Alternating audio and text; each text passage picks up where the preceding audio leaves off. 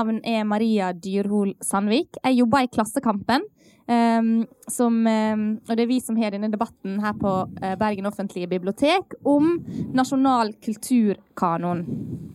Vår kunnskapsminister Torbjørn Røe Isaksen fra Høyre han er også leder for programkomiteen deres. Og han har foreslått å opprette en nasjonal kanon over norsk kulturhistorie. Um, og den skal inneholde ei liste over de mest sentrale norske kunstverkene. Og når han kom med forslaget tidlig i januar, så sa han at det, det vil sikkert både engasjere og provosere, og det vil forhåpentligvis munne ut i en felles offentlig samtale om hva som er de viktigste bærebjelkene i norsk kunst- og kulturtradisjon. Og Siden da så er det kommet mange reaksjoner på forslaget, ikke minst i vår avis, der debatten har gått heftig. Og sogningen Fridtjof Urdal, som noen av dere kanskje kjenner, han skrev på debattsidene våre at det at vi søker oss en kulturell kanon, kan tyde på at vi er råka av kultursorg. Men vår egen redaktør Bjørgulf Brånen han skrev at vi bør delta med liv og lyst i debatten om norsk kulturhistorie. Eh, og vi har tatt debatten videre i det fysiske rom i Oslo allerede, og det var veldig gøy. Det ble en veldig interessant diskusjon. Eh, og vi skal ta debatten videre her i Bergen i dag. Vi har med oss et veldig kyndig panel med flere representanter fra bergenskulturen og bergensere som har peiling på kultur og litteratur. Eh, og helt borterst der har vi Kristoffer Juel Larsen. Han er um, litteraturviter, eh, han er kritiker, og han er også ansatt her på Bergen offentlige bibliotek. Så har vi statsstipendiat, forfatter og det som kanskje må være ekspert på den kvinnelige delen av kulturkanonen vår, Elisabeth Aasen så har vi forfatter først og fremst i dag, men også leder for Cornerteatret, Marit Eikemo. Og ved sida mi her vår egen redaktør for Klassekampens bokmagasin, Karin Haugen, som har tatt turen til Bergen i dag. Gi den en applaus.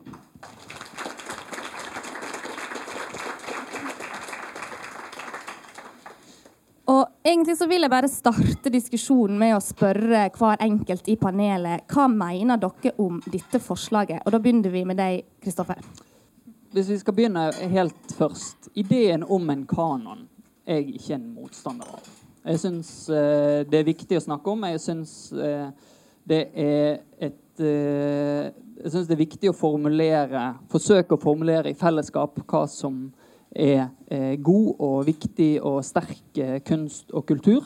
Eh, det er derfor jeg er interessert i å drive med kritikk av både litteratur og, og billedkunst.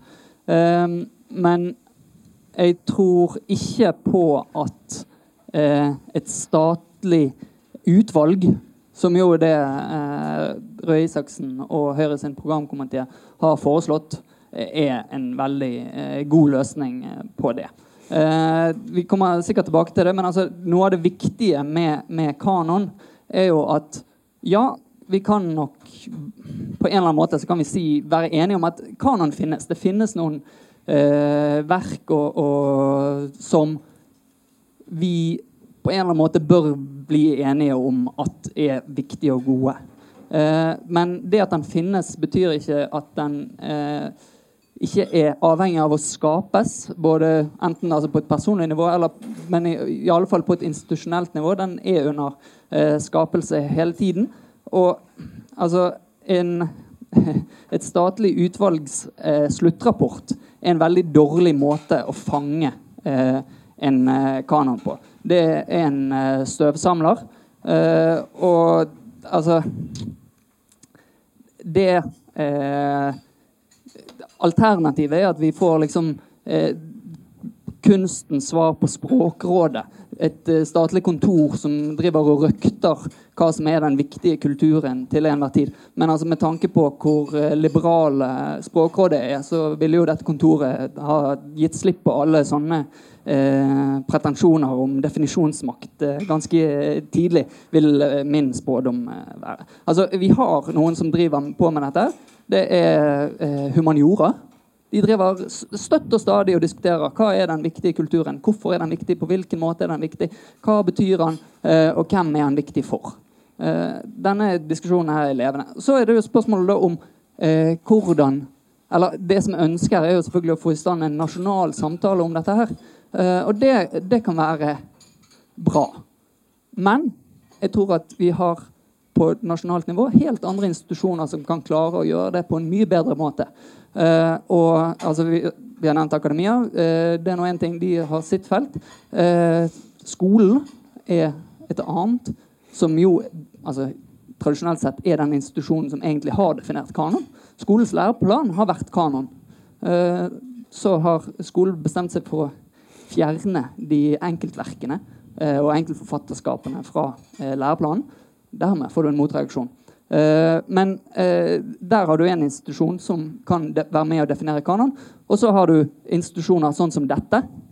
Uh, hvis dere ser her, rett her borte, så får dere en bokhylle med 100 titler som Bergen offentlige bibliotek har bestemt ligger i kjernen av biblioteket sin virksomhet. Vi har valgt 100 titler som vi mener er de viktigste på en måte.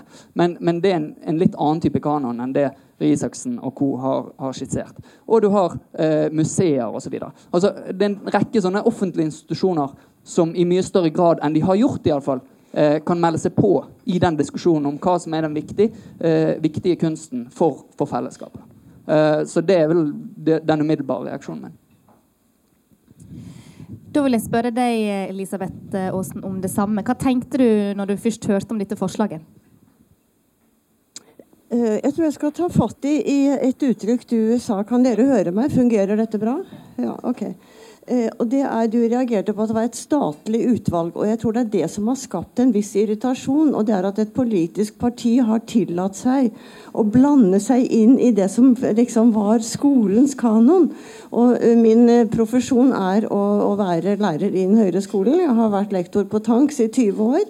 Og jeg har jobbet, jeg var norsklærer, og vi var veldig opptatt nettopp av det som var kanon. Fordi vi ville at skolen skulle være minst mulig det som er drømmen, en enhetsskole.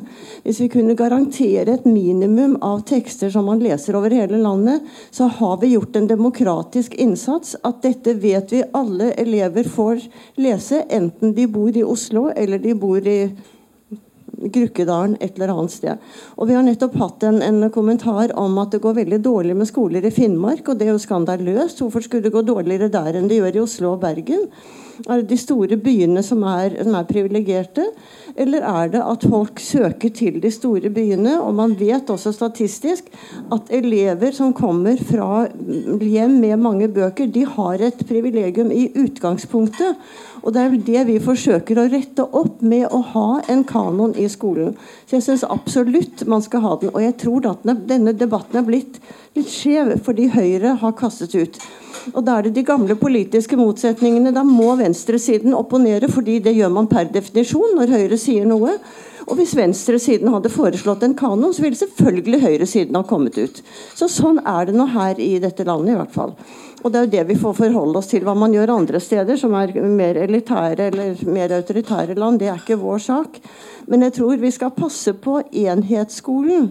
Og jeg syns det er veldig ubehagelig å vite at noe av den klassiske litteraturen, det er det visse skoler her i landet som aldri får greie på, fordi man der ikke har hatt lyst til å lese det. Og jeg hadde nettopp en diskusjon med en meget oppegående forfatter, og som i sin tid var en veldig flink gymnasiast. Og som var så indignert og var helt sikker på at Ibsen fremdeles sto i læreplanen. Det kunne ikke være mulig. Og det var en meget radikal forfatter, dette her. Og så, så tenkte jeg at Guri kanskje har tatt feil. Kanskje Ibsen fremdeles står. Men det klaffer jo ikke med det som har stått i Klassekampen. Så nå har jeg nå vært å, å få tak i disse læreplanene, siden jeg ikke jobber i skolen lenger. Eh, så, så kunne ikke jeg uttale meg på basis av hva jeg syns, men læreplanene er veldig greie å forholde seg til, for de er nå der, og det er ikke vi som har laget. Og der står det sentrale tekster. Nå holder jeg meg til videregående skole, for det er det jeg kjenner. Og det er det som kan være basis for det vi kaller for kultur, da, for der leser man mer enn man gjør i grunnskolen, tross alt. Og Der står det at man da i annet år videregående skole så skal man lese sentrale tekster fra middelalderen til romantikken. Ja, Det er ganske mye. det er Middelalderen, jaha, det er jo sagalitteratur. Og så må man jo innom 1700-tallet, og der er nå Holberg. Og så har vi litt Dorte Engelbrektsdatter, hun er nå også der. Det er ikke så veldig mange å velge mellom, så det gir seg i grunnen selv. Men så er det frem til, til romantikken, og det er liksom tidlig 1800-tallet, litt etter 1814. Da blir vi veldig nasjonale og glad i landet og alt dette her. Men så kommer man da i tredje videregående, og der skal man lese sentrale tekster fra realismen til vår tid, til i dag. Og det er jo der problemene vel begynner. At mange vil ha det, noe av det siste som er kommet ut. sånt, At man vil være litt mer moderne. Og det må jeg si at det var en, en sånn Jeg føler det litt dårlig samvittighet selv fra min tid som lektor i videregående. At vi, det, var, det der med dagens litteratur det ble stebarn fordi at vi hadde så veldig travelt med å få med de klassiske tekstene. Så det, det er et faktum vi må, må, ta til etterretning. At man må holde av tid også til nyere litteratur. Men det betyr ikke at man skal kutte ut sånn som Ibsen. Og nå viser det seg det at de aller fleste Ibsen står ikke. Det står under sentrale tekster fra realismen til i dag. Og det er opp til den enkelte lærer å fylle ut, bare du ser på tittelbladet, at du er innenfor det rette tidsrommet. Og det er der vi kan komme litt skjevt ut, det må jeg jo si. Nå har jeg holdt på i veldig mange år uh, på å forsøke å få kvinnelige forfattere inn i denne kanoen, og det var veldig vanskelig. Fordi det var så få. Eh, men vi fikk jo inn Amalie Skram. Og Camilla Collett og Amalie Skram klarer man ikke å komme unna, selv om man veldig gjerne vil. Men, men, de er der. Og nå er de faktisk blitt kanon, og det er jo skrekkelig. Men jeg tror faktisk at begge to vil være veldig fornøyd med det. For blir de kanon, så kommer de inn i folks bevissthet. Og for meg er det en, eh, en, en, del av demokratiet. De skal vite mest mulig om det som er skjedd. Og der kan vi ty til eldre læreplaner. Det kom noen veldig bra, faktisk, i 1974 eh, og 1987, tror jeg. I hvert fall såpass langt tilbake. To forskjellige Og som alltid er det noen endringer. Men gjennomgangstonen var at elevene skal lære å forstå hvilke krefter som har virket. Og hvordan i all verden skal de lære å forstå det hvis de bare leser litteratur fra 1975 og utover? Det er jo et eller annet som, som er helt galt der. Vi lever jo i et samfunn som, hvor det er bygget som klosser. At vi har en velferdsstat i dag. At vi har et demokrati. At vi har skoleplikt. Det kommer jo nettopp an på denne politikken vi har hatt. Og den har hatt som mål hele tiden opplysning. Det gjaldt at arbeiderne skulle få samme skolegang som borgerskapets barn. Det gjaldt at jentene skulle få samme utdanning som guttene. Altså Vi forsøker hele veien å få til det jeg kaller for en enhetsskole, som for meg er et veldig viktig demokratisk prinsipp. Kanskje nok i første omgang. Tusen takk. Og samme, det samme spørsmålet går videre til Marit Eikemo. Eh, jeg tror ikke jeg skal ha et lite, jeg har ikke et lite langt eh, resonnement, men jeg, eh, jeg, kan si at jeg syns det er veldig vanskelig å liksom stille seg helt på sida og være helt imot kanon, hvis en da forstår det som en slags rettesnor eller verdistandard. Ikke fordi at en på liv og død skal være enig, men fordi at det skaper en, et grunnlag for videre diskusjon, da, hvis en forutsetter at det er det som er, er poenget. Eh, også hvis en forutsetter at det ikke her bare dreier seg om eh, smak og behag og interessante trender og tendenser, men at det faktisk fins noe som er bedre enn andre ting. Så at man nå ønsker en eh, nasjonal kanon, kulturkanon, det kan jo være et uttrykk for at vi har en litt For kanon finnes jo, som det også har blitt sagt her, det er jo en pågående prosess. Men at det nå blir uttrykt et, et ønske om en uh, strammere kanon, det kan jo bety at den er en slags svak og at den er utflytende på noen måte. Uh, og at man vil styrke det. Eller det kan også være et uttrykk for at uh, noen mener at den nasjonale identiteten er svak og utflytende. Og det er jo det som kanskje er problematisk med ønsket om en nasjonal eh, kanon, der ordet 'nasjonal' blir, blir kanskje det vanskeligste, syns jeg, da, i, i denne sammenheng. Mm. Ok, Det skal vi komme tilbake til. Men eh, Karin skal få lov til å gi sitt svar på spørsmålet til slutt.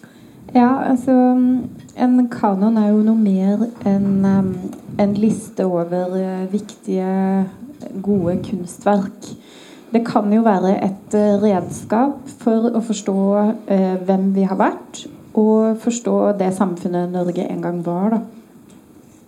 Og det tror jeg er noe vi trenger eh, sårt i en samtid som er såpass orientert mot samtida som vår tid er. Eh, jeg tror vi trenger en historisk eh, bevissthet. Og mm, at en kanon kan hjelpe til med å både formidle eh, og løfte frem og diskutere verk som både levendegjør norgeshistorien og også har vært med på å forme den og som samtidig har en estetisk egenverdi. Da. Eh, og den offentligheten som vi har, den blir mer og mer fragmentert. Eh, flere får nyhetene sine og verdensbildet bekrefta via sosiale medier, som ofte gir deg det du allerede visste at du ville ha. Eh, og det du allerede er eksponert for. Og den store samtalen i offentligheten med de mange felles møtepunktene og de felles referansene erstattes for mange av private strømmer. NRK erstattes av Netflix, og det som folk en gang kalte Dagsrevyen, det kaller man nå lineær TV.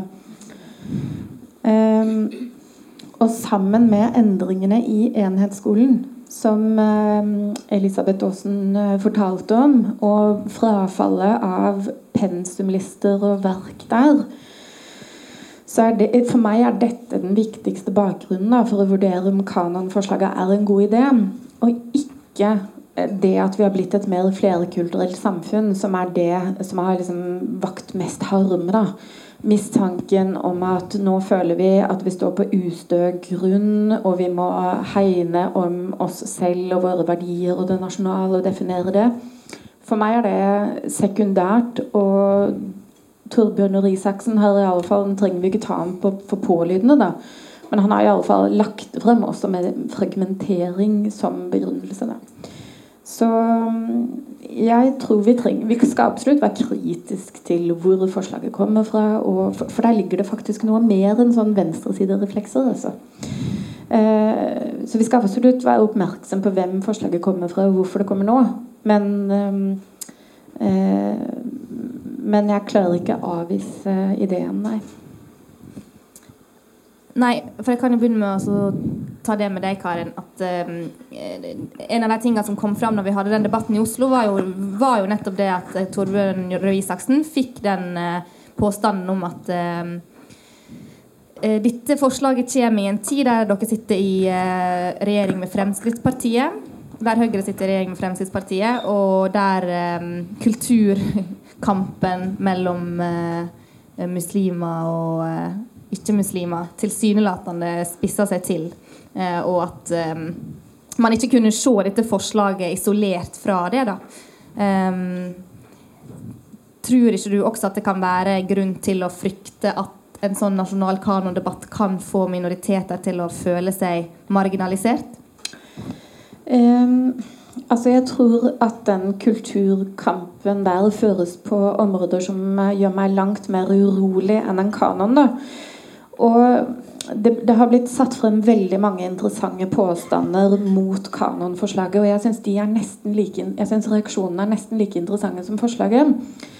Eh, fordi eh, det man frykter, da, er at kanonangrepet er et sånt dårlig skjult forsøk, eller dårlig skjult innlegg i en kulturkrig. Der man forsøker å bruke norsk tradisjon uh, for å demme opp for en uro over det fremmedkulturelle, eller flerkulturelle. Som en litt sånn at kanonforslaget er en slags sånn upscale-versjon av uh, kulturminister Linda Hofstad Helleland sitt, uh, sin berømte Facebook-post i jula, hvor hun sa vi måtte uh, være stolte av det norske. Men også blir det også påstått at en kanon er ekskluderende og nesten støtende for folk som kommer fra som ikke er etnisk norske. da Eh, I debatten i Oslo så ble det liksom vist til hva skal en 17 år gammel somalisk jente gjøre i møte med en norsk liste over norsk kultur. Det vil støte henne. Men det er jeg ikke sikker på. Jeg tror det kan også fungere motsatt. At en kanon er jo en klar og tydelig liste du kan forholde deg til over et lands tradisjon. Og det er jo nok av usagte regler og koder og krav å skulle navigere i. Men når noe blir uttalt, så er det jo tross alt lettere å forholde seg til. Og jeg synes også det er litt sånn eh, forflatende å anta at en 17 år gammel somalisk jente ikke skal kunne være opptatt av eh, et annet Altså av kultur, da. Så mm, ja. Eh, du skal få ordet, Kristoffer, men jeg vil eh, pirke litt mer i det her. fordi du, Marit, sa jo at eh, det ordet nasjonal kanon eh, var kanskje det som gjorde at du rynka mest på nesen. Var det slik å forstå? Ja, for i og med at jeg har ikke noe problem med selve kanonbegrepet. Jeg syns det er interessant, og det er interessant med de diskusjonene som, de, som det nødvendigvis må medføre. Men som sagt så er det Jeg tror heller ikke at, at man har vondt av å stramme inn på, eh, altså på det nasjonale kanon altså På den måten at en får mer kunnskap om ja, sagalitteraturen. er jo veldig få unge i dag som har noe forhold til det, og det bør de jo gjerne. Sant? Og så, så det, er liksom den balansegangen mellom å, å, å stramme inn på eh, Ja, altså på kanon, og ikke, og ikke gjøre det til en uh, rettesnor for, for, det nasjonale For, en, for et ønske om en mye sterkere nasjonal identitet. da. Og Jeg tror heller ikke at ei 17 år gammel somalisk jente tar skade av å lese sagalitteratur. Eh, men det blir jo, ja, det blir jo eh, i hva ja, Nei, men jeg bare slutter. Kristoffer, du ville si noe? Ja, altså, det er en, en, forlokkende tanke det at eh, ved å ha liksom en, en sånn klar kjerne av eh, nasjonens eh, kulturarv, så eh, kan den nyankomne veldig enkelt orientere seg ut ifra denne samlingen med øyemerker. liksom Finne ut av det, det består dette landet av, og det vil bedre integreringen veldig. Uh, og, og, særlig ut ifra sånn, som kulturarbeider så er jo det en veldig, veldig fin tanke. Uh, men altså, sorry, det er ikke mange, mange romantitler Brochmann-utvalget har listet opp i, i sin rapport. Uh, og selv Asle Toje, som da tar dissens og, og, mener at de er for opptatt av sånne rene statistiske variabler, og, og legger vekt på at innvandrerne må kjenne, må kjenne den norske dypkulturen så, så, handler det nok det mer om hvordan vi oppfører oss på arbeidsplassen, enn om eh, hvilke, hvilke, titler vi kjenner i, i bibliotekets eh, bokhyller. Altså, det som eh, utgjør eh, nøkkel til, til integrering, eh, det er ikke her vi, vi finner den, eh, den gylne nøkkelen. Men samtidig du skal ikke underkjenne kulturen som inngang til, til det nasjonale fellesskapet. Eh, men igjen, kan den finnes. Den er der. Den er ikke vanskelig tilgjengelig.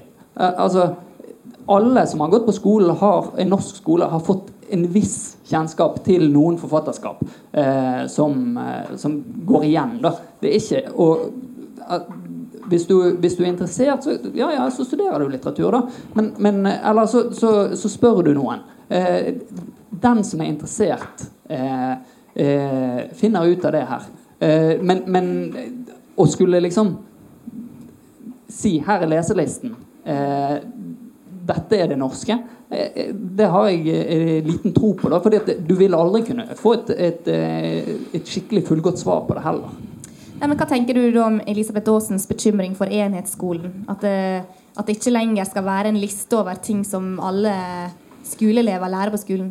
Nei, jeg, eh, jeg, eh, kan eh, delvis dele den bekymringen, men samtidig så er jeg eh, som eh, trygt plassert på venstresiden, så har jeg stor tiltro til at arbeidere klarer å skjøtte arbeidet sitt eh, sjøl godt. Og lærerne har den kompetansen til å vurdere hvilke eh, tekster det som passer til den klassen eh, de går i møte, og hva det er som eh, tilhører det materialet de bør kunne for å, å, å bli gangs mennesker. Sånn, for det er det som har skjedd Vi har hatt en omlegging av litteraturen, av litteraturfaget fra å være en del av nasjonsbyggingen. Vi kan ikke, eh, vi kan ikke snakke om dette her, om den nasjonale litteraturarven uten å snakke om at eh, norsk kultur i stor grad er sammenfaller med fremveksten av Norge som nasjonalstat, og sammenfaller med fremveksten av eh, litteraturfaget. Og at litteraturfaget og kunstfagene generelt på, på norske universiteter har vært eh, helt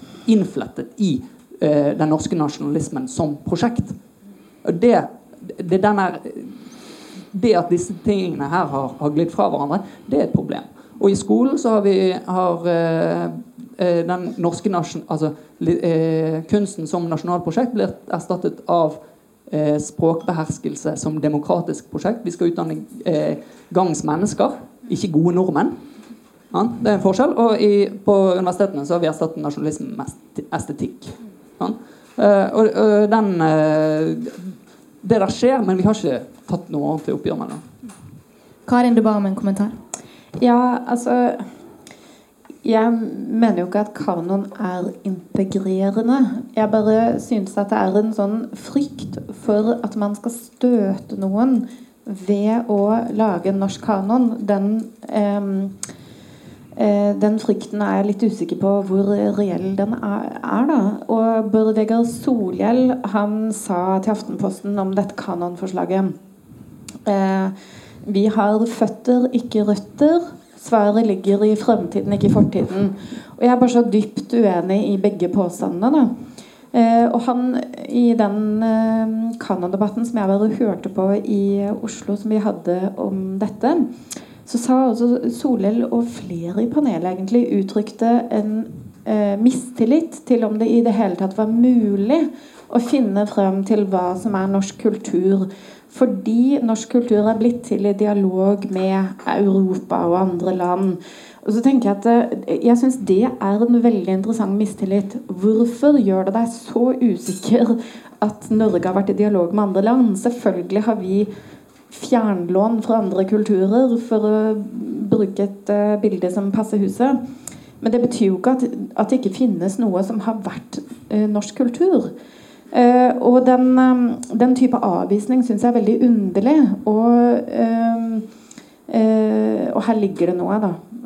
og så vil jeg bare også si at det betyr ikke at man har Elisabeth Aasen sin bekymring for enhetsskolen bunner jo ikke nødvendigvis i en mistillit til lærerne.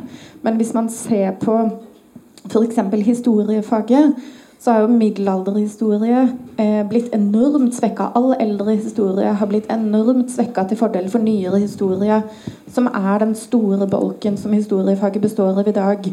Studenter som vil studere ting og skrive oppgaver om ting som har skjedd etter 1945. Så at lærerne skal ja, Da er i feil by.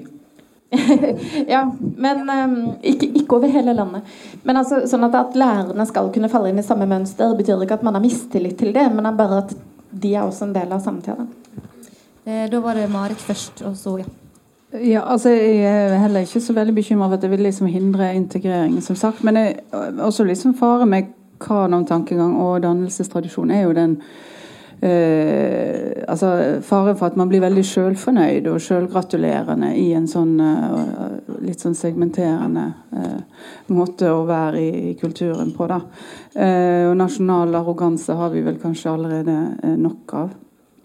Også, men når du tenker på hvordan man snakker om samtidslitteraturen i dag, f.eks. Jeg er sjøl forfatter. og man er mye rundt og diskuterer eh, litteraturen sammen med andre forfattere, f.eks., for så er det veldig ofte med utgangspunkt i tematikker som ligner på hverandre. at disse to forfatterne har uh, samme tematikk, så da kan de snakke sammen i uh, hvordan de men kanskje kunne det også vært mer av hvordan disse bøkene står i dialog med tradisjonen.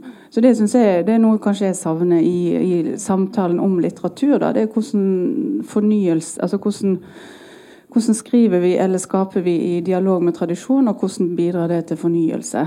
Uh, ja. Ja, og eh, Dere skal få ordet, men jeg tenker det, det har jeg tenkt å spørre deg om. fordi at Du har jo vært eh, ansvarlig for litteraturfestivalen på Odda eh, lenge. Og um, jeg har liksom tenkt litt på det der Ser kanoen annerledes ut sett fra Vestlandet enn det gjør fra Østlandet, f.eks.? Og um, det, jeg, det, kan man jo også tenke på med forhold til samtidsforfattere på Vestlandet som kanskje står i en litt annen tradisjon enn sine kollegaer i øst. og sånn. Gjør det noe? I så fall trenger kanoen å se lik ut over hele landet? Er det nødvendig? Nei, men der handler det jo også veldig mye om hva profil eh, festivalen har. Ikke nødvendigvis kanon, men eh at, at, festivalen skulle ha en veldig tydelig lokal og, og, politi og, og forankring i det lokale og det politiske i, i Odda. Eh, både når det gjaldt det som ble skrevet, men også tematikk. Og, så det, om det går på kanon Det går vel kanskje også mer på en uh, utfordring, ønske om å utfordre kanon. da. Ja, når vi hadde den debatten i Oslo, da, som vi nå kommer tilbake til, til stadighet, så var jo Lars Ove Seljestad der, forfatter fra Odda. Eh, og et av hans poeng var at eh, han trodde aldri at eh, hans egen litteratur for eksempel, ville kunne få plass i en sånn nasjonal kanon fordi at den var for for vestlandsk, for lite nasjonal, for stedsbunden. Slik jeg forsto han i alle fall. At den var for oddask, rett og slett. Ja, altså, Han får jo svare for seg, sjøl hvis han er veldig opptatt av sin plass i kanoen. Det er jo kanskje en egen sjanger. men, men eh, er, han er vel ikke den minst marginaliserte, tenker jeg, blant eh, norske forfattere. Vi skal gå videre til dere skal få kommentere begge to. Jeg tror Kristoffer visste tegnet først. Uh, ja, bare til det med Bård Vegar Solhjell og den her uh, tradisjonelle venstreside knee-jerk-reaksjonen med å, å, avvise ideen om, om, det nasjonale og den nasjonale felles forhistorien. Der, der, viser jo han på pinligste måte at han er et barn av 90-tallet. Eh, og det sier jeg som, som partifelle og, og alt. Hva mener du med det? Nei, altså Røtter, eh, røtter er ikke føtter var jo et, slagord sant, som eh, kom fra Thomas Hylland Eriksen-miljøet osv. Eh, og, og de som tapte slaget om EU, f.eks., og, og skyldte på norsk nasjonalisme og, og sånn. Som jo delvis var sant, selvfølgelig. Eh, men, men eh, nettopp det at det nasjonale spiller en så sterk rolle eh, i eh, norsk samfunn, gjør at vi bør ta det veldig på alvor, og hva det, hva det inneholder. Og, eh, og altså, I hvor stor, stor grad en, en, kanon kan fungere inkluderende og ekskluderende, kommer selvfølgelig an på hvordan den utformes. Eh, hva, hva, stykker av Ibsen er det som får plass i norsk kanon? Er det et dukkehjem?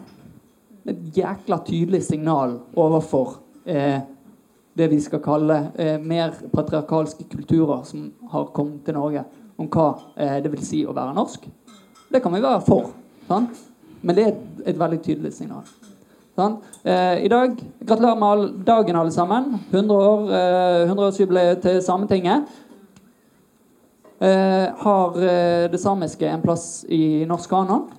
Det, det kan selvfølgelig fungere eh, flott og inkluderende å ta det med, men de diskusjonene der er jo nødt til å, å, å være med. Men, og, men, den er på en måte en, en del av diskusjonen om disse fa i fagene allerede. Da. Eh, og spørsmålet er om vi gjør så veldig mye ved å, å eh, ta det opp på eh, statlig utvalgsnivå. Da. Eh, det, der jeg, jeg, tror at vi må heller utfordre institusjoner som dette, som Nasjonalmuseet, som eh, Kode, eh, som eh, DNS altså, Som alle, de statlige, store, tunge institusjonene som driver med kulturformidling og eh, kulturhistorisk forvaltning. Det er de som må ta dette ansvaret. Det er de som har fagligheten, eh, og det er de som har et, eh, en relasjon til publikum. Han snakker om integrering. Hvem er de store integreringsinstitusjonene ved siden av de som har det som eneste, eneste jobb? Sant? Det er skolen, og så er det bibliotekene. Vi som driver på med det her. Uh, og, og, det er der eh, diskusjonen om, om eh, hva som er den norske litteraturen, bør foregå, mener jeg. Men for å sette det litt på spissen, Hvis alle disse store institusjonene som du nå nevner, hadde kommet med sine Eh, lister over de viktigste eh, kunst- og kulturverkene. Man hadde samla dem i en offentlig liste. Hadde det vært så farlig, egentlig? Ja, det, er en interessant tanke. Uh, jeg ikke, og jeg tror ikke det er så farlig. Men det som kanskje er, farlig, og som er en av grunnene til at jeg syns at vårt prosjekt er bra, er at vi har ikke begrenset oss til det norske. Fordi at Når vi snakker om norsk historie, så er det helt riktig det at ja, det som har foregått i Norge, det er eh, måte, det er det som er det sentrale i norsk historie. Og, og det vi har, eh, har, skapt, det har vi et særlig eh, ansvar for å ta vare på. Men når vi skal snakke om hvem vi er, hvor vi kommer fra, hvem vi har vært, så kan vi ikke begrense oss til de som har hatt norsk pass. Sånn? Det er ikke eh, altså, hvis vi, eh, hvis vi, diskuterer Garborg, ja, så må vi lese Nietzsche. Altså, det, det, er også en del av norsk kulturhistorie. Vi skal komme tilbake til det eh, veldig spennende prosjektet som dere har her på Bergen bibliotek nå. Men først så skal Elisabeth Aasen få ordet. Nei, bare også Gratulerer bibliotekene, for her er det virkelig integrering. også. Bare se hvem som sitter her i underetasjen og leser og leser aviser. Og det var, det var sånt vi kanskje ventet dette spørsmålet om om minoritetene, om de føler seg veldig marginalisert. Det er klart Med det samme man reiser et annet sted, så er man marginalisert. Nordmenn reiser og reiser som turister overalt. altså. De elsker å reise til Syden uten at de riktig vet hvor de er hen. De har ikke engang giddet å sette seg inn i det landet de er i. Hvilket språk bruker de her, da, liksom? Sånn at, og de er jo marginaliserte. Det er bare at da kommer nordmenn med så mye penger at de gir blaffen i det. De kan godt være marginalisert, for de kan betale for seg. Men jeg tror ikke vi skal undervurdere den eh, delen av integreringen som ligger i den norske litteraturen. Og alt er selvfølgelig relatert til Europa. Vi er jo europeere. Alt, du kan ikke si at et dukkehjem er spesielt norsk. Du kunne vært i et hvilket som helt vestlig land, så kunne man skrive et dukkehjem. Det er borgerskapet, og det er forhold til kvinner i borgerskapet. Og det er greit. Så får du arbeiderlitteratur, ja vel. Emil Zola, så får du det. Den franske. Sånn er det jo hele tiden. Vi har jo, spiller jo en slags pingpong med den europeiske litteraturen. Så vi skal ikke overdrive og tro at vi er så fryktelig nasjonalistiske og så fryktelig innadvendte og så fryktelig uh, fremmedhatere og sånn. Altså Vi lager et sånt merkelig svart bilde av oss selv som jeg ikke tror er riktig. For vi har holdt på såpass mye med internasjonale uh, ja, organisasjoner i vår tid. Men altså, hva er det vikingene har gjort? da? De har reist og reist og reist. Og reist. Og, og de var inne i Konstantinopel. Jeg ble spurt en gang om jeg også var tyrkisk. Og, og det syns jeg var jo veldig morsomt. Det var en tyrker som spurte meg. Og så sa jeg ja, kanskje det, sa jeg. For våre forfedre var jo i Konstantinopel, så kanskje mange av dem tok med seg en dame hjem. Så kanskje det. Det vet man jo ikke. Altså Det er en voldsom blanding. Hvis vi tok en DNA-test langs Vestlandet her Det å være mørk her, det er jo å være vestlandsmørk. Det er en blanding av alt mulig. Så den der, den kjøper jeg ikke. altså, Den at vi er så fryktelig oss selv nok. for det, det, det er ikke sånn den der reisingen vi har her i landet. Noe må man få med. Og der er det når først en, en, innvandrer er godt integrert, så får man sånne fantastiske resultater som Walid al-Kubaisi som nå i dag og tid, i lange tider, har han altså skrevet disse fenomenale epistlene fra fremmede kulturer. Og vi sluker dem. Og nå har de kommet i bokform. Og jeg ga ut så tidlig, var altfor tidlig selvfølgelig, 78 en bok som het 'Fortellinger fra fjerne strøk', som skulle være for, uh, for, skolen, fordi da hadde vi lov til å bytte ut x antall sider mot x antall sider fra virkelig fremmede, ikke-europeiske kulturer. Men den, den, fikk jeg ikke så veldig mye bruk for blant mine norske elever. Men da begynte vi så smått med Norsk for utlendinger, som det het den gang. Og da var det veldig greit å kunne ha en novelle, en fortelling, som var en norsk tekst, men som kom fra det landet som er en oversatt tekst. Det var både Vietnam og det var Japan, og jeg er veldig stolt av den der, selv om den ikke ble brukt. Fordi at det var 40 år for tidlig. så, var det, så var det et veldig godt eksempel. Vi hadde noen tamiler i klassen. De var henrykt. For det der kjente de igjen. Så man må ikke bli så hysteriske med å tro at alle, alle innvandrere er så marginalisert. Og, så kommer denne her merkverdigheten som de av og til, sånn som Rana sier også, at å, vi vil ikke bli assimilert. Vil da aldri bli assimilert. Hvis du er sør fra Afrika, så går det ikke an å bli assimilert. Du ser jo hvor du er fra.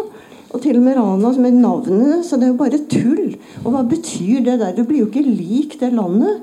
Fordi man har bare sett de motsetningene vi har i lille Norge. Og det tror jeg vi skal understreke.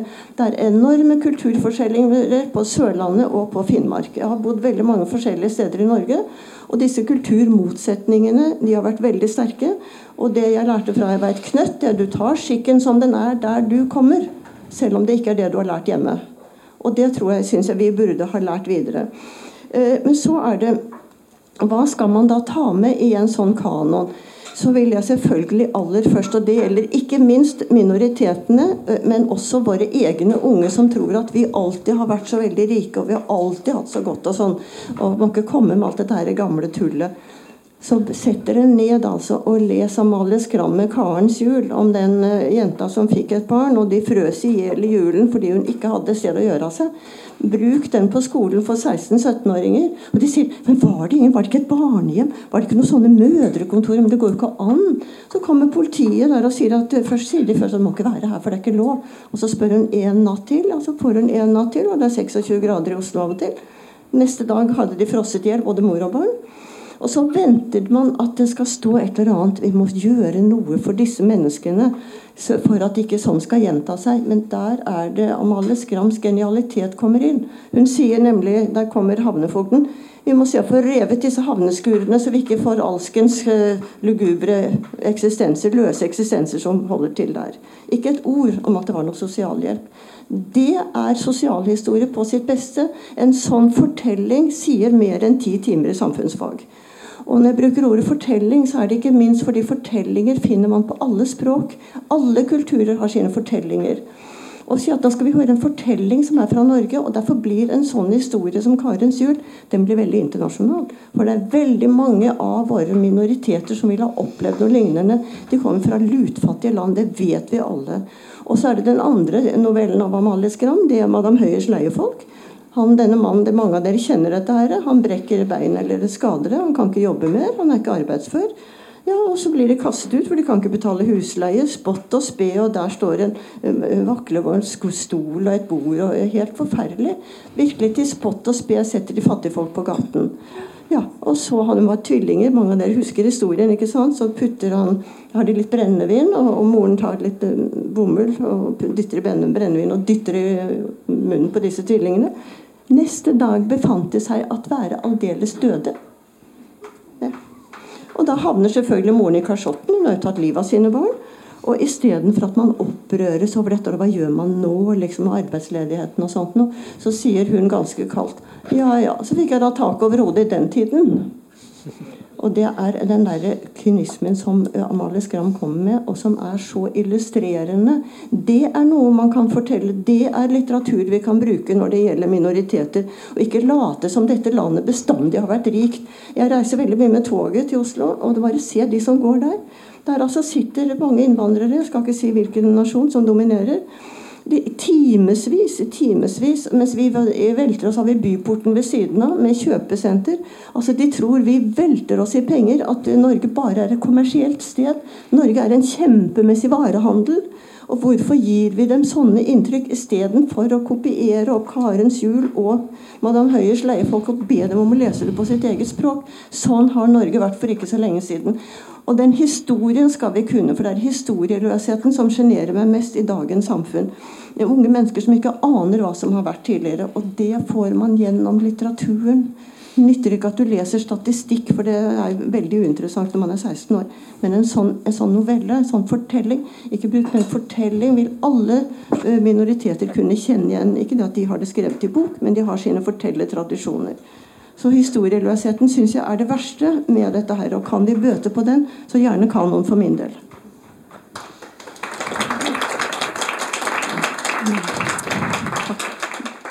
Karin?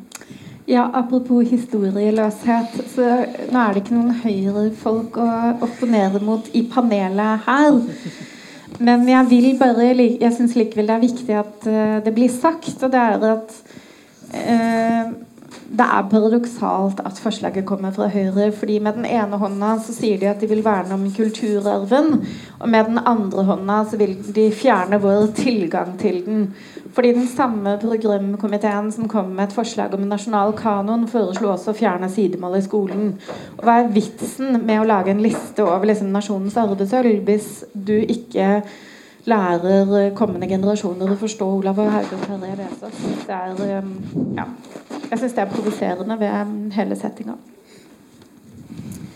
Kristoffer, eh, dere på biblioteket har jo, som du har nevnt, satt sammen deres egen kanon, hvis man kan kalle det det. Samling. Eh, kan du fortelle litt om prosjektet? Ja, Prosjektet tar jo utgangspunkt i nettopp en tanke om at eh, biblioteket bør eh, ta et større ansvar for eh, kvalitetsbegrepet. og eh, at vi bør ta et større ansvar for den, eh, det fellesskapet som vi forvalter historien for. da. Eh, så det biblioteket har gjort, det er at det er en, eh, veldig eh, langvarig prosess. Der de har hatt en rekke interne og utoverrettede arrangement, hvor en har diskutert generelt kvalitet. generelt hva er det som er biblioteket sin oppgave, og mer spesifikt hva, hvilke bøker er det som representerer oss og eh, de oppgavene vi har å, å forvalte.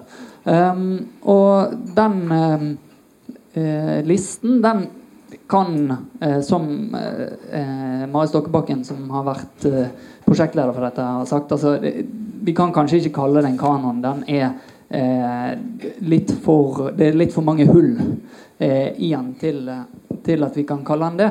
Men, men eh, som kjernesamling så syns jeg den er veldig interessant, fordi at den eh, representerer noe i altså bredden i eh, biblioteket sin oppgave. Eh, fordi at når vi snakker om kvalitet, så Altså Innenfor kunstfaget så, så opererer du med noen sånne her sentrale eh, verdier eller kriterier på, for hva som eh, er kvalitet. Og den, nesten alltid kan du finne noen sånne her eh, kriterier som de fleste kan være ganske enige om. Intensitet eller originalitet. Og, eh, at det har, sier et eller annet sånn menneskelighet osv.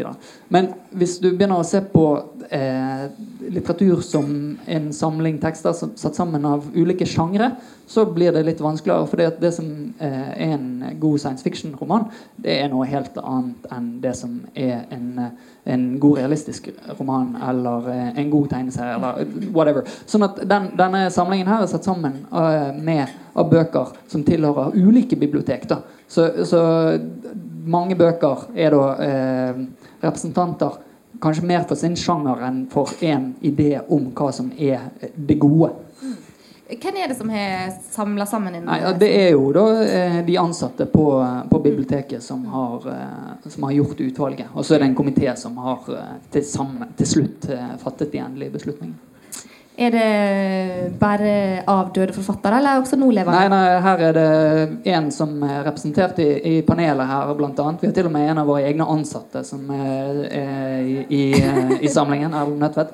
Eh, Ja. Så, så eh, eh, det er Hvis man følger med på skjermen her borte, så ser du at eh, Frode Gryttens bikubesong eh, dukker Ja, opp. Eh, Gunnar Staalesens eh, 1900-trilogi, eh, men også da eh, helt avdøde og, og klassiske forfatterskap. Ibsen finnes der. Men uh, innenfor den realistiske tradisjonen er det jo et vell av, av mangler. Men i tillegg da så har vi uh, alle eh, kontinenter, bortsett fra Oseania, dessverre, representert. De titlene som du nevnte nå, var jo i hovedsak vestlandsforfattere. Da vil du si at denne samlinga ville sett annerledes ut på, på et bibliotek i Oslo? Ja, definitivt. For her er det altså et vestlandsbibliotek som er en, en egen del da, av, av denne samlingen. Så eh, den vil eh, den, En sånn samling eh, må være, og skal være, eh, annerledes eh, der, den, eh, der den settes opp.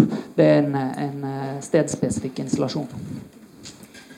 Eh, hva tenker du, Marit, eh, om en sånn eh, potensiell nasjonal kanon? Eh, hva, hva bør grensene gå for hvem som skal være inkludert, og hvem skal være ekskludert i den? Bør, bør man også innlemme nålevende forfattere for å løfte fram samtidslitteraturen? Uh, ja.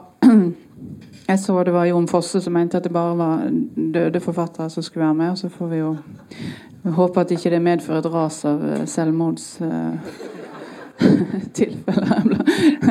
Jeg tror ikke jeg tror, Det som jeg liker egentlig best med hele ta- kanontankegangen, er jo at det er en langsom prosess, og at den, det bør være et ganske lang Det bør ikke være det som kom ut i fjor eller for ti år siden. Eller, det bør være et lengre spenn, mener jeg. da. Uh, at det skal være en um, Ja, noe annet enn en, en den evalueringen som skjer i, i media, og der mer og mindre helt vanlige folk genierklærer hverandre annenhver uke. Så bør det jo være en, eh, en, en litt mer solid prosess, og som krever, og der kvalitet krever rett og slett eh, har vist seg gang på gang, altså et avstand i tid. Uh, og veldig mange samtidsverk uh, de viser seg jo kommuniserer jo ikke så godt med samtida heller. Det er jo også et argument for at de kan fort bli havne mellom alle stoler i den litt mer oppheta uh, bejublingen i, i media. Mm. Tilbake til det som jeg tror var Lars Ove Seljestads noe av poenget hans i den debatten vi hadde i Oslo, da, var jo at um, han var redd for at uh, spesielt det han var opptatt av med den vestlandske motkulturen, skulle uh, bli underkommunisert i en sånn kanon. og Tenker du at det um, er en potensiell fare ved en sånn nasjonal nedsatt kanon at, uh, at visse deler av landet ikke vil bli like godt representert, når vi f.eks. nå ser at en kanon i bibliotekets regi i alle fall ser annerledes, vil sett annerledes ut i Oslo enn den gjør i Bergen? Men det vil jo alltid være avhengig av. Eh, men eh, sånne, jeg er ikke så bekymra altså de, de, setter jo ikke sammen bare folk fra Oslo. De, hvis de gjør det statlig, så vil det jo det være en ganske bred sammensetning, tross alt.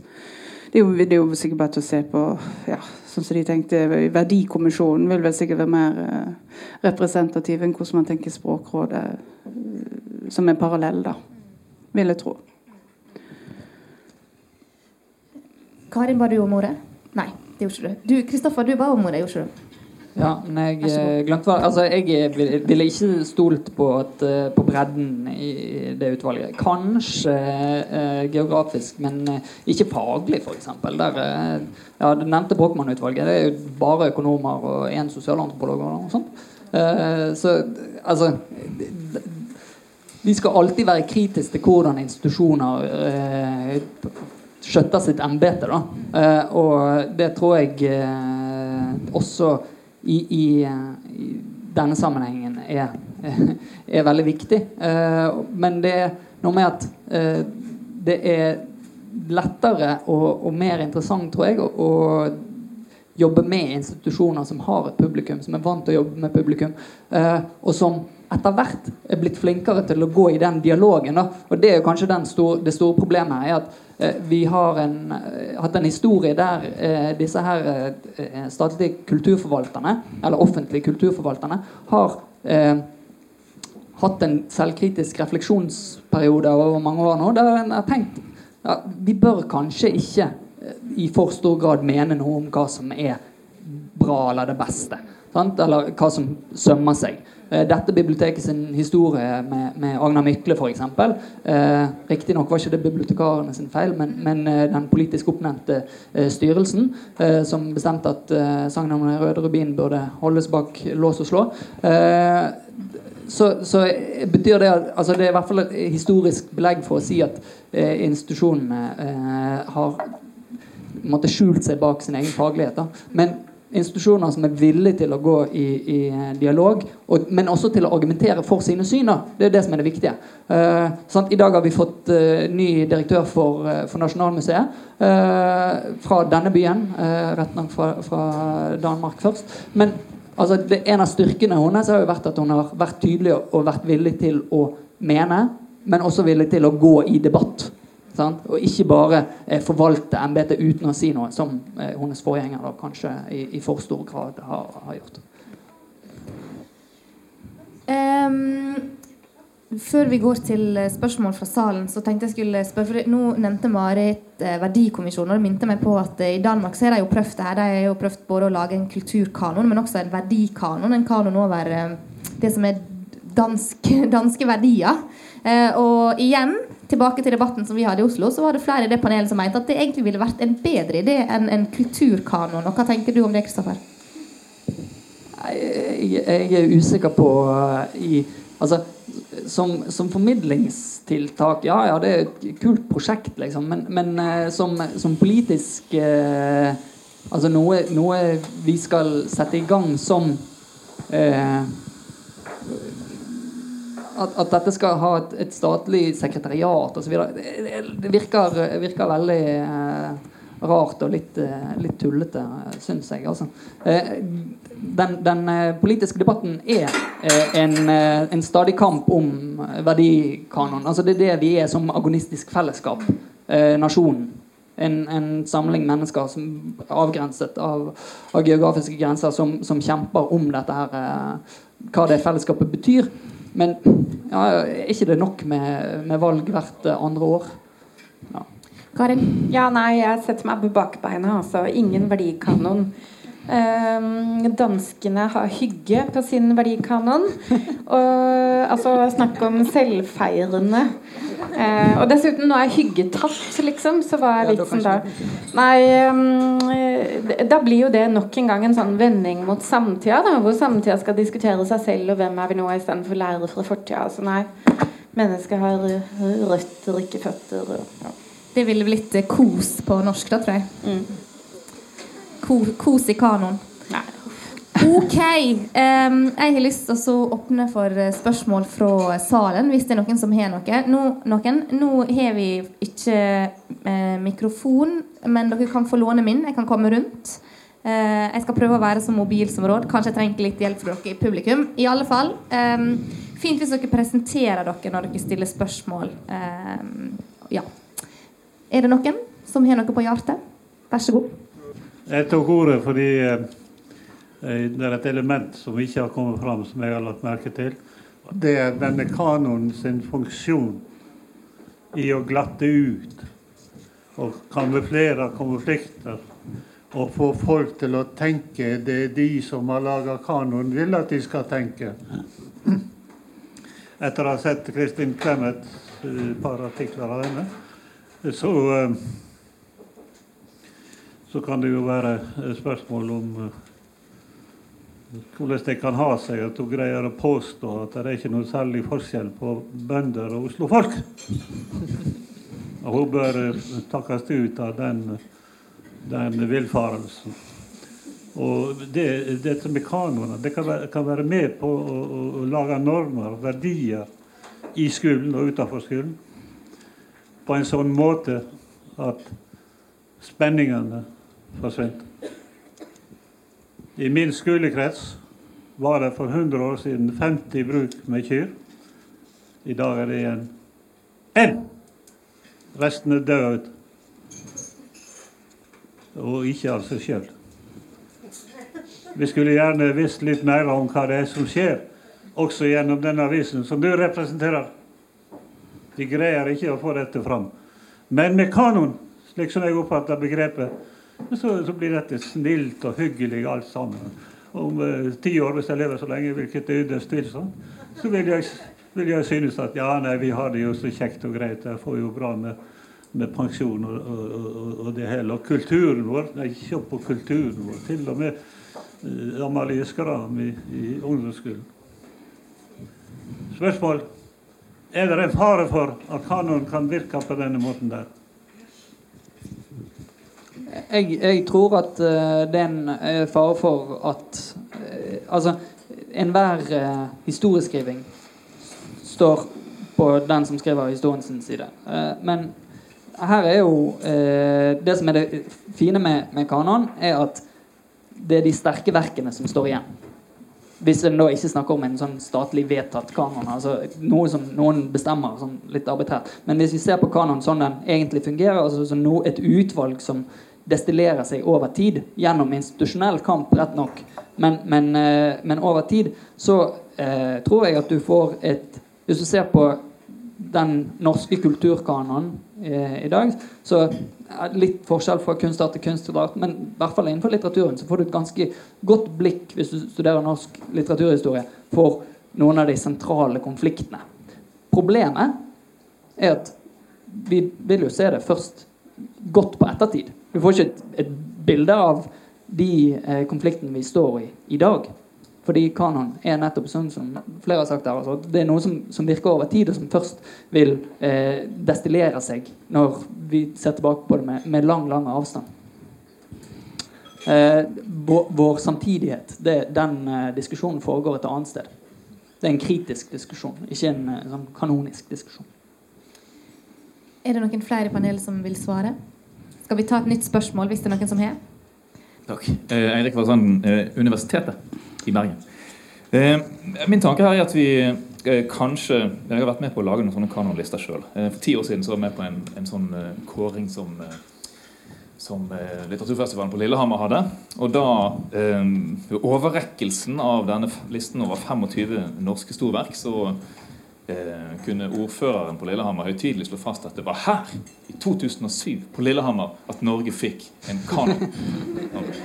Og, og, og, den tanken om at vi kanskje tar dette litt alvorlig eh, eh, Denne ideen om en sånn, en sånn liste, da, hvilken autoritativ kraft den kan, kan ha. Eh, og det slår meg også at vi tar dette utspillet fra eh, Røe Isaksen litt for alvorlig. Eh, eh, og det er flere grunner til at jeg tenker det. Eh, den ene er at den kommer helt uten at noen har diskutert sanksjonsmuligheter. For det er jo det vi må se på her. Sant? Kommer det statlig direktiv, så må vi spørre hva er det som hva er det staten skal gjøre for å tvinge oss til å gjøre noe her. Eller for, for i hele tatt forhold, for oss til å forholde oss til dette.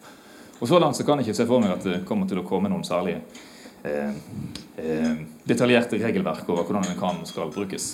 Eh, særlig fordi at denne kanonen, eller ideen om en kanon blir introdusert eh, helt uten at det tas hensyn til den andre rollen som Røe Isaksen har, nemlig som vår uh, utdanningsminister.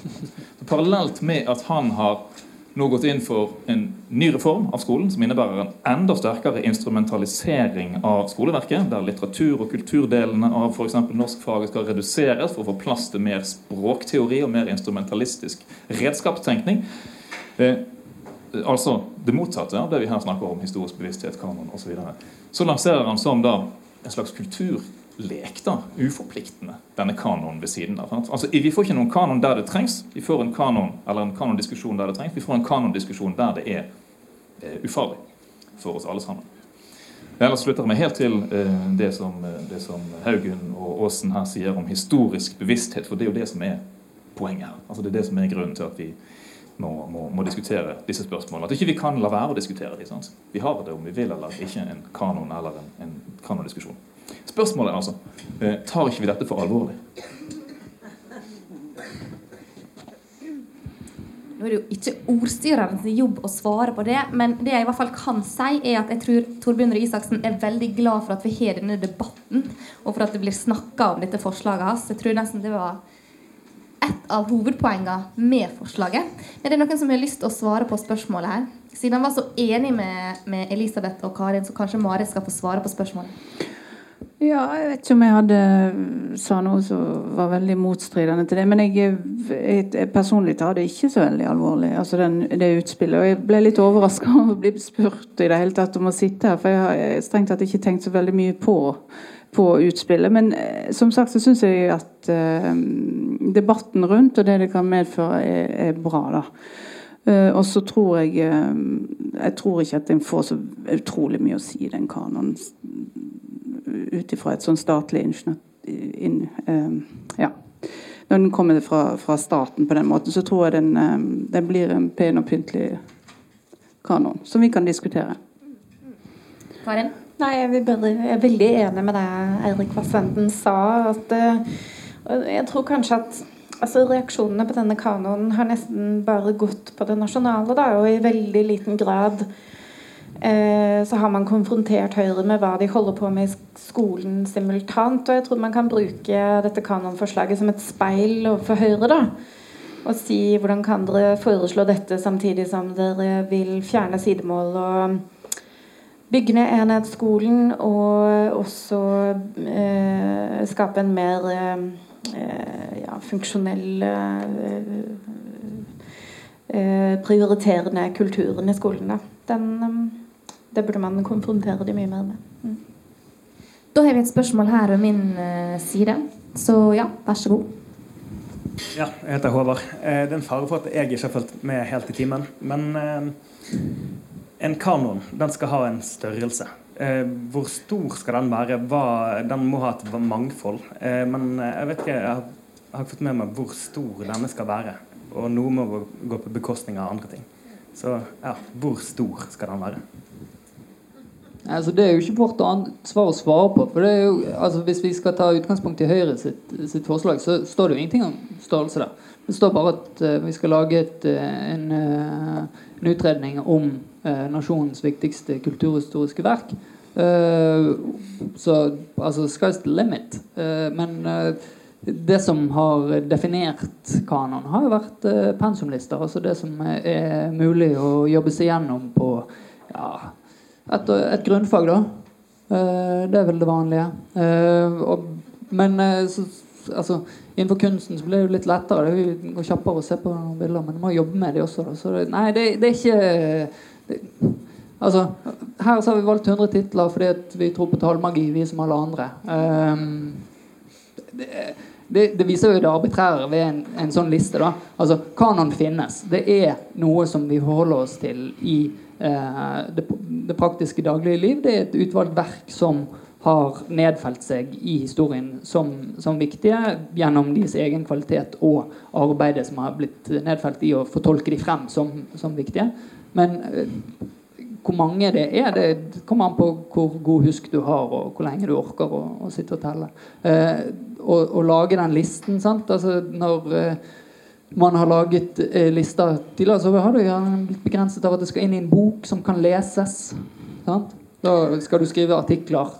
Eh, nok artikler til at det blir en ganske tjukk bok, men ikke for mange til at den blir uleselig. Så. Marit? Nei, jeg bare tenker Hvis en skal ikke tenke altså Som en, et alternativ til en kanon, så kan en ha en sånn Hall of Fame-tankegang, der alt bare eh, et eller annet kriterium kan få være med, og bare hope seg opp der. Men da mister du også sin eh, eh, evne til å danne grunnlag for, for eh, diskusjon, da. Vil jeg tro. Eller sånne stjerner på Festplassen. Eh, vi har tid til et spørsmål til her, så vær så god. Takk. Jeg heter Yngve Sæterås og er skuespiller, eller pensjonert sådan nå, da. Men jeg har et spørsmål. Jeg var ikke til stede. altså Jeg hørte ikke direkte når Isaksen introduserte denne ideen. Men jeg hørte den referert, referert i radio. Og da forstår jeg det var altså en, en, en, en kulturkanon. Nå har vi diskutert litteratur. Ikke drama. Jo, vi har vært inne på Ibsen. Men skal dette da gjelde alle kunstarter? Altså malerkunst, altså billedkunst, komposisjoner? Altså, skal det være hele rekken? Og I så fall så blir det litt relevant det som du spør om. Hvor stort skal dette være, da? Eh, det syns jeg er veldig interessant. Og så leste jeg med stor fornøyelse Karl Morten Amundsen, som er dramaturg på Det Norske Teater, så advarte vel i Klassekampen om å ikke skyte spurv med kanon. Eh, men det interessante er jo hvis dette skal gjelde hele spekteret av kunst Det der ordet kultur det sliter vi kolossalt med, for det er faktisk noe som heter kunst òg. Fotball er kultur, men det er ikke alltid kunst. Iallfall ikke her i byen. Så gjerne svar på det. Eh, ja, og det, det, kunne jo selvfølgelig vært presisert i starten at, eh, at han foreslår en eh, kunstkanon, da, for å kalle det det. Vi kan utelukke fotball, vil jeg tro. Eh, men eh, siden vi nå er på biblioteket, så diskuterer vi jo mest litteratur. Men eh, noen av dere som vil kommentere på spørsmålet? Det er jo et, et innfløkt tema altså, når man begynner å definere slike ting. Skal vi ha det og det, og er det, er det forskjellige epoker? Altså, jeg tror det, er, det, kunne være veldig greit om man ser på hva er det vi har nytte av i dag. Altså, fordi at folk er så historieløse. Og så spør man da er det nødvendig med den der historien. Det er det sånn gnål. Men det er jo historien som har gjort oss til det vi er i dag. Så jeg tror vi skal være veldig veldig forsiktige med den kritikken. Og så skal man se seg litt tilbake. Og der er det eh, vi, eh, et sitat Jeg har altså dessverre ikke lest hovedartikkelen, men det er en kulturbyråd i Oslo som sier til Aftenposten, og det er sitert her i Klassekampen jeg kjenner f.eks. ingen som har lest Petter Dass Nordlands trompet med mindre de ble tvunget til det på skolen. Jeg tror derimot at flere nordmenn i dag oppfatter Ola Ivers som norsk kultur. Ikke noe vondt sagt om Ola Ivers, men det er jo kanskje liksom å tråkke litt i uh, hva man gjør. Altså et eller annet uh, bed eller noe sånt. Fordi det er ganske fantastisk hvis man gidder å lese litt i Petter Dass vi syns jo det er det noe man skal lese. Er det helt foreldet? Skal man gidde? Skal disse stakkars unge menneskene få slippe å lese Petter Dass, dere? Så kunne man kanskje unne seg litt grann, bare se på begynnelsen. For den er nemlig meget demokratisk, selv om Petter Dass selv var en mann som hadde sans for uh, de materielle goder også. Jeg vet ikke hvordan, hvor sjenerøs han var privat, men det er helt uvedkommende her. For nå er det Nordlands trompet. Og, og der, Den er ganske interessant. altså. Der sier hun her at man ikke leser dette her mølet. Hun sier ikke møl, men bare fordi vi ble tvunget til det på skolen. Men For der er det jo ikke noe som er. Hvis man ser på dette her, så går jo Peter Dass rett og slett inn på befolkningen. Og det er såkalt vanlige mennesker. Og den er jo så demokratisk, for å bruke anakronisme her. altså Han tenkte ikke sånne baner. Men at her skal alle kunne lære et eller annet. Og, og det gjelder jo selvfølgelig fattigfolk, og det gjelder alle. Den, den er, er, gir et bilde av samfunnet. Men det har man ikke sett. altså Det er Kulturbyrådet i Oslo, og det er altså nå da Arbeiderpartiet. Eh, som, som, kommer med dette her. Og det er klart det er veldig morsomt å si Petter Dass er jo halvidiot og er langt oppe i Helgeland, og hva skal man lese med han for? og sånn, ja Det var morsomt, det var sånn tanter at han Men det er en del sånne uh, ting som går igjen der som er ganske uhyggelig i forhold til samfunnet. At han på 1600-tallet er såpass demokratisk rett og slett, at alle må ha tilgang til det. At du skal ha tilgang til, til kunnskap. Og, og den er, det er helt, det er ganske forunderlig. Og så gidder man ikke fordi det er så gammelt å holde opp med dette tullet. Der dere kommer drassende med Petter Dasseter nå i våre dager, liksom, hvor alt er så festlig. Og det er det som er så fryktelig farlig. For unge mennesker er ikke så veldig festlig innstilt. Jeg har jobbet i skolen i så mange år, i gamle videregående. Og det er en 16-17-18 år. Det er seriøse mennesker. De er veldig reflekterte. De kan jammen sette en halvgammel lektor på plass. Fordi de tenker på en annen måte. Og de vil skjønne det der med Peter altså, hvor han da tar de forskjellige delene av befolkningen. Hvor viktig det er, og at alle har sin plass her. Det er egentlig veldig demokratisk, for å snakke helt sånn på tvers av alt. Anakronisme heter jo på fint. Men man skal være litt forsiktig med å si at eh, ja, med mindre de ble tvunget til det på skolen. altså Hvorfor skal man opprettholde det i vår tid der altså enn det var 16.1 i år? Opprettholde det der at skolen er en slags sånn slaverianstalt. Hvor man liksom er nødt til å gå, mens den jo faktisk er en, en eh, kulturbegivenhet. Å få gå i skolen og tenke på alle de fantastiske verkene vi får lov å lese. Og unge mennesker er veldig reflekterte, og det tror jeg man eh, glemmer. altså Det irriterer meg som gammel lærer det irriterer meg veldig at du tror at den 15-16-17 gidder vi da ikke høre på for at det er sånn romantisk og det er så livsfjern. Absolutt ikke. De har virkelig beina på jorda. De har lest mye, de kan veldig mye.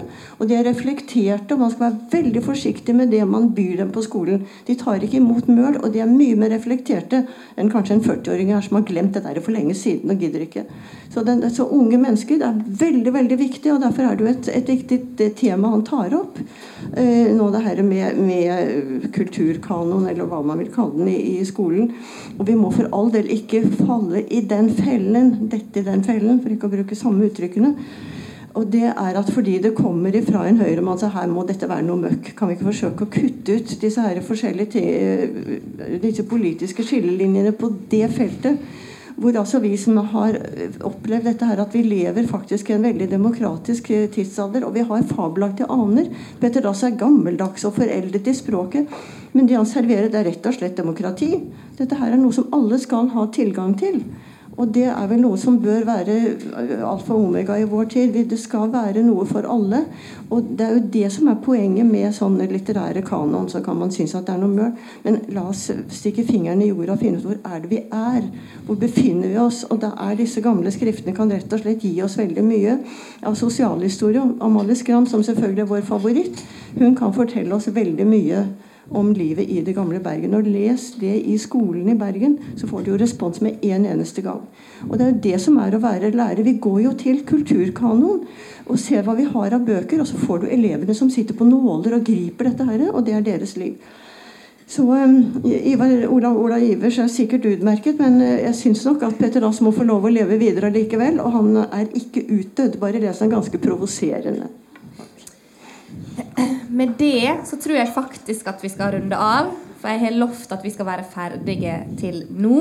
Tusen, tusen takk til panelet, som skal få med seg Klassekampens egen politisk-kulturelle kanon-kortstokk. Eh, der vi i alle fall har klart å samle et knippe nordmenn som vi mener fortjener å være med i vår kanon. De har jeg her nede, så jeg skal ikke bøye meg ned nå. Dere skal også få med dere eh, Bokmagasinets eget bærenett som jeg skal dele ut. Og jeg vil bare at eh, mens jeg deler ut presangene, så kan dere gi eh, panelet vårt en stor applaus.